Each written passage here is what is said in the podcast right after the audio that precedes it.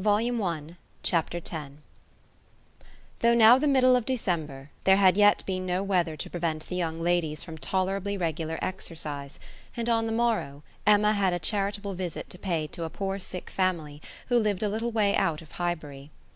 Their road to this detached cottage was down Vicarage Lane, a lane leading at right angles from the broad though irregular main street of the place, and, as may be inferred, containing the blessed abode of Mr. Elton.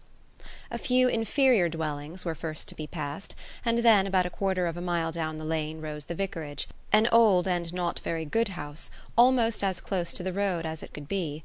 It had no advantage of situation, but had been very much smartened up by the present proprietor, and such as it was there could be no possibility of the two friends passing it without a slackened pace and observing eyes. Emma's remark was: "There it is. There go you and your riddle book one of these days." Harriet's was: "Oh what a sweet house! How very beautiful! There are the yellow curtains that Miss Nash admires so much."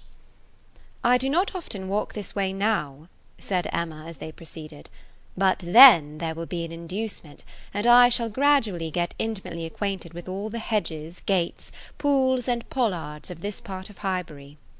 Harriet, she found, had never in her life been inside the vicarage, and her curiosity to see it was so extreme that, considering exteriors and probabilities, Emma could only class it as a proof of love, with Mr. Elton's seeing ready wit in her. "I wish we could contrive it," said she, "but I cannot think of any tolerable pretence for going in; no servant that I want to inquire about of his housekeeper, no message from my father. She pondered, but could think of nothing. After a mutual silence of some minutes, Harriet thus began again: "I do so wonder, Miss Woodhouse, that you should not be married, or going to be married, so charming as you are." Emma laughed, and replied, "My being charming, Harriet, is not quite enough to induce me to marry. I must find other people charming one other person at least. And I am not only not going to be married at present, but have very little intention of ever marrying at all. "Ah, so you say; but I cannot believe it." "I must see somebody very superior to any one I have seen yet, to be tempted. Mr. Elton, you know," recollecting herself, "is out of the question, and I do not wish to see any such person. I would rather not be tempted. I really cannot change for the better. If I were to marry, I must expect to repent it." "Dear me! it is so odd to hear a woman talk so." "I have none of the usual inducements of women to marry. Were I to fall in love, indeed, it would be a different thing. But I have never been in love; it is not my way, or my nature, and I do not think I ever shall. And without love I am sure I should be a fool to change such a situation as mine. Fortune I do not want; employment I do not want; consequence I do not want. I believe few married women are half as much mistress of their husband's house as I am of Hartfield; and never could I expect to be so truly beloved and important, so always first and always right in any man's eyes, as I am in my father's." "But then to be an old maid at last, like Miss Bates!" "That is as formidable an image as you could present, Harriet; and if I thought I should ever be like Miss Bates, so silly, so satisfied, so smiling, so prosing, so undistinguishing and unfastidious! And so apt to tell everything relative to everybody about me, I would marry to morrow. But between us, I am convinced there can never be any likeness, except in being unmarried." "But still, you will be an old maid, and that's so dreadful!" "Never mind, Harriet, I shall not be a poor old maid, and it is poverty only which makes celibacy contemptible to a generous public. A single woman with a very narrow income must be a ridiculous disagreeable old maid the proper sport of boys and girls, but a single woman of good fortune is always respectable, and may be as sensible and pleasant as anybody else; and the distinction is not quite so much against the candour and common sense of the world as appears at first; for a very narrow income has a tendency to contract the mind and sour the temper. Those who can barely live, and who live perforce in a very small and generally very inferior society, may well be illiberal and cross. This does not apply, however, to Miss Bates; she is only too good natured and too silly to suit me; but in general she is very much to the taste of everybody, though single and though poor. Poverty certainly has not contracted her mind. I really believe, if she had only a shilling in the world, she would be very likely to give away sixpence of it; and nobody is afraid of her; that is a great charm." Dear me! But what shall you do? How shall you employ yourself when you grow old?" "If I know myself, Harriet, mine is an active, busy mind, with a great many independent resources, and I do not perceive why I should be in more want of employment at forty or fifty than one and twenty. Woman's usual occupations of hand and mind will be as open to me then as they are now, or with no important variation. If I draw less, I shall read more; if I give up music, I shall take to carpet work and as for objects of interest, objects for the affections, which is in truth the great point of inferiority, the want of which is really the great evil to be avoided in not marrying, I shall be very well off, with all the children of a sister I love so much to care about. There will be enough of them, in all probability, to supply every sort of sensation that declining life can need. There will be enough for every hope and every fear and though my attachment to none can equal that of a parent, it suits my ideas of comfort better than what is warmer and blinder. My nephews and nieces. I shall often have a niece with me." "Do you know Miss Bates's niece? That is, I know you must have seen her a hundred times, but are you acquainted?" "Oh, yes, we are always forced to be acquainted whenever she comes to Highbury. By the by, that is almost enough to put one out of conceit with a niece. Heaven forbid! At least that I should ever bore people half so much about all the Knightleys together as she does about Jane Fairfax. One is sick of the very name of Jane Fairfax. Every letter from her is read forty times over, her compliments to all friends go round and round again; and if she does but send her aunt the pattern of a stomacher, or knit a pair of garters for her grandmother, one hears of nothing else for a month. I wish Jane Fairfax very well, but she tires me to death. They were now approaching the cottage, and all idle topics were superseded. Emma was very compassionate, and the distresses of the poor were as sure of relief from her personal attention and kindness, her counsel and her patience, as from her purse. She understood their ways, could allow for their ignorance and their temptations, had no romantic expectations of extraordinary virtue from those for whom education had done so little, entered into their troubles with ready sympathy, and always gave her assistance with as much intelligence as good will. In the present instance it was sickness and poverty together which she came to visit, and after remaining there as long as she could give comfort or advice, she quitted the cottage with such an impression of the scene as made her say to Harriet, as they walked away, "These are the sights, Harriet, to do one good. How trifling they make everything else appear! I feel now as if I could think of nothing but these poor creatures all the rest of the day; and yet, who can say how soon it may all vanish from my mind?" "Very true," said Harriet. "Poor creatures! One can think of nothing else."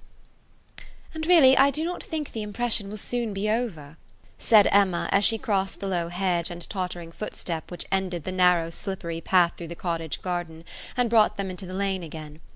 "I do not think it will," stopping to look once more at all the outward wretchedness of the place, and recall the still greater within. "Oh, dear no," said her companion. They walked on. The lane made a slight bend, and when that bend was passed, Mr. Elton was immediately in sight, and so near as to give Emma time only to say further, "Ah, Harriet, here comes a very sudden trial of our stability and good thoughts. Well," smiling, "I hope it may be allowed that if compassion has produced exertion and relief to the sufferers, it has done all that is truly important. If we feel for the wretched enough to do all we can for them, the rest is empty sympathy, only distressing to ourselves." Harriet could just answer, "Oh, dear, yes," before the gentlemen joined them. The wants and sufferings of the poor family, however, were the first subject on meeting. He had been going to call on them. His visit he would now defer, but they had a very interesting parley about what could be done and what should be done. Mr. Elton then turned back to accompany them. "To fall in with each other on such an errand as this," thought Emma, "to meet in a charitable scheme, this will bring a great increase of love on each side. I should not wonder if it were to bring on the Declaration. It must, if I were not here. I wish I were anywhere else." Anxious to separate herself from them as far as she could, she soon afterwards took possession of a narrow footpath, a little raised on one side of the lane, leaving them together in the main road. But she had not been there two minutes when she found that Harriet's habits of dependence and imitation were bringing her up too, and that in short they would both be soon after her. This would not do. She immediately stopped under pretence of having some alteration to make in the lacing of her half boot, and stooping down in complete occupation of the footpath, begged them to have the goodness to walk on, and she would follow in half a minute. They did as they were desired, and by the time she judged it reasonable to have done with her boot she had the comfort of farther delay in her power, being overtaken by a child from the cottage, setting out according to orders with her pitcher, to fetch broth from Hartfield. To walk by the side of this child, and to talk to and question her, was the most natural thing in the world, or would have been the most natural, had she been acting just then without design; and by this means the others were still able to keep ahead without any obligation of waiting for her. She gained on them, however, involuntarily; the child's pace was quick and theirs rather slow, and she was the more concerned at it, from their being evidently in a conversation which interested them. Mr. Elton was speaking with animation, Harriet listening with a very pleased attention, and Emma, having sent the child on, was beginning to think how she might draw back a little more when they both looked around and she was obliged to join them. Mr. Elton was still talking, still engaged in some interesting detail, and Emma experienced some disappointment when she found that he was only giving his fair companion an account of the yesterday's party at his friend Cole's, and that she was come in herself for the Stilton cheese, the North Wiltshire, the butter, the celery, the beetroot, and all the dessert. "This would soon have led to something better, of course," was her consoling reflection. "Anything interests between those who love, and anything will serve as introduction to what is near the heart. If I could but have kept longer away!" They now walked on together quietly till within view of the vicarage pales, when a sudden resolution, of at least getting Harriet into the house, made her again find something very much amiss about her boot and fall behind to arrange it once more. She then broke the lace off short, and dexterously throwing it into a ditch, was presently obliged to entreat them to stop, and acknowledged her inability to put herself to rights so as to be able to walk home in tolerable comfort. "Part of my lace is gone," said she, "and I do not know how I am to contrive. I really am a most troublesome companion to you both, but I hope I am not often so ill equipped. Mr. Elton, I must beg leave to stop at your house, and ask your housekeeper for a bit of riband or string, or anything just to keep my boot on. Mr. Elton looked all happiness at this proposition, and nothing could exceed his alertness and attention in conducting them into his house and endeavouring to make everything appear to advantage. The room they were taken into was the one he chiefly occupied, and looking forwards, behind it was another with which it immediately communicated. The door between them was open, and Emma passed into it with the housekeeper to receive her assistance in the most comfortable manner. She was obliged to leave the door ajar as she found it, but she fully intended that Mr. Elton should close it. It was not closed, however; it still remained ajar; but by engaging the housekeeper in incessant conversation she hoped to make it practicable for him to choose his own subject in the adjoining room. For ten minutes she could hear nothing but herself; it could be protracted no longer; she was then obliged to be finished and make her appearance. The lovers were standing together at one of the windows; it had a most favourable aspect, and for half a minute Emma felt the glory of having schemed successfully; but it would not do. He had not come to the point. He had been most agreeable, most delightful; he had told Harriet that he had seen them go by, and had purposely followed them; other little gallantries and allusions had been dropped, but nothing serious.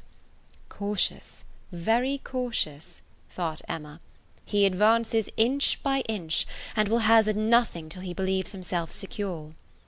Still, however, though everything had not been accomplished by her ingenious device, she could not but flatter herself that it had been the occasion of much present enjoyment to both, and must be leading them forward to the great event.